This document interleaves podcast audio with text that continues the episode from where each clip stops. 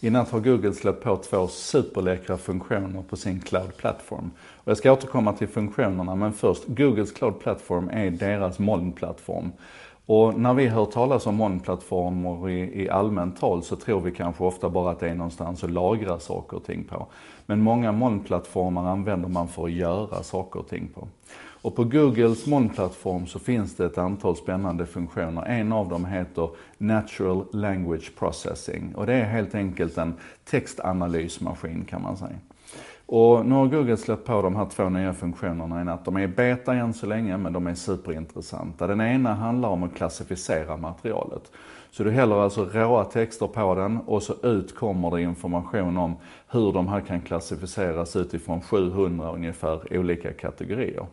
Så att det kan vara en sportartikel men den kan också klassificeras som att den handlar om teknik och den kan klassificeras som att den handlar om mat och recept. Det är så här, alldeles beroende på vad texten innehåller.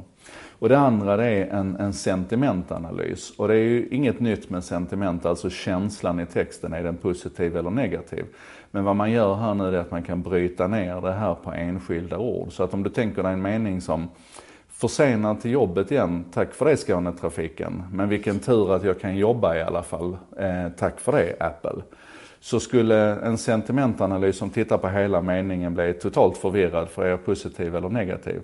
Medan den här sentimentanalysen som släpps i, i betaversion här nu kan klura ut att jag är i det här fallet negativ till Skånetrafiken och positiv till Apple. Och det här är intressant av flera skäl. Ehm, så småningom kommer det bli intressant för oss som privatpersoner för vi kan ta alla våra gamla textarkiv och hälla på här. Men i första läget här nu så kommer det nog vara intressant för publicister. Jag jobbar ju på Helsingborgs Dagblad och där hade man ett arkiv som sträckte sig över 100 år tillbaka i tiden. Men det var ju inte klassificerat och strukturerat och organiserat på något sätt. Så det enda man egentligen kunde använda det här arkivet till, det var att man sålde eh, faximiler på första sidorna till folk som fyllde år. Liksom. Och det är ju, det är ju verkligen att, att misshushålla med datat. Skulle man ta det arkivet och köra igenom natural language processing så hade man fått ut de här artiklarna klassificerade, man hade kunnat se på alla orden i det om man var positiv eller negativ till det. Man hade fått fram ehm, eh, tolkningar på platser och personnamn och sådana saker. Så man verkligen hade kunnat länka ihop det här materialet.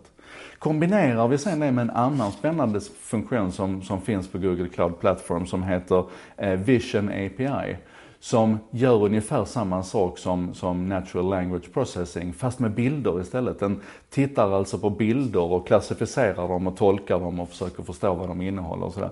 Och vi konstaterar att, att HD i det här fallet har ett gigantiskt gammalt bildarkiv.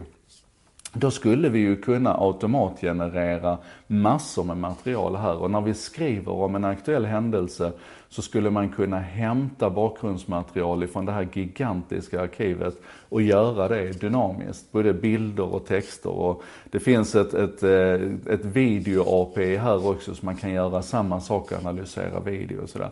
Överhuvudtaget, det här är, tycker jag, en otroligt spännande utveckling där vi ser hur mycket vi kommer att kunna göra med det historiska materialet utan att vi har människor som sitter manuellt och taggar och listar och strukturerar och, och syr ihop det här. Och visionen här är ju naturligtvis att det här så småningom kommer att träffa dig också. Så att alla dina gamla semesterbilder kommer att vara superkategoriserade och helt plötsligt får du ett helt annat sammanhang i det.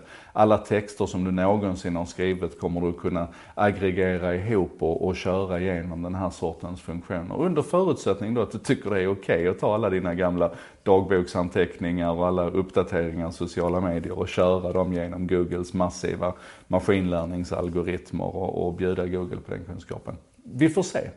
En spännande sak är i alla fall att det här är skitbilligt. Ehm, att processa en miljon tecken, alltså tusen texter om tusen tecken vardera, kostar ungefär en krona. Det är vad du, vad du behöver betala för det här. Och, och upp till väldigt stora volymer så kostar det inget alls för att det är fritt fram att experimentera och testa med det här. Jag tycker i alla fall att det här är, är, spännande för data är ju så spännande, alltså det här historiska materialet, vad vi kan göra med det. Så att eh, jag tycker väl bara att vi, vi håller ögonen öppna för den här utvecklingen. Jo, en sak till förresten. Fuck. Oj, sa jag just det? Shit, satan. det funkar inte på svenska. Kan ni fatta? Det funkar på engelska och spanska och kinesiska och, och arabiska, alla de stora språken, men det funkar naturligtvis inte på svenska. Så vi får vackert sitta ner och vänta. Är inte det deppet?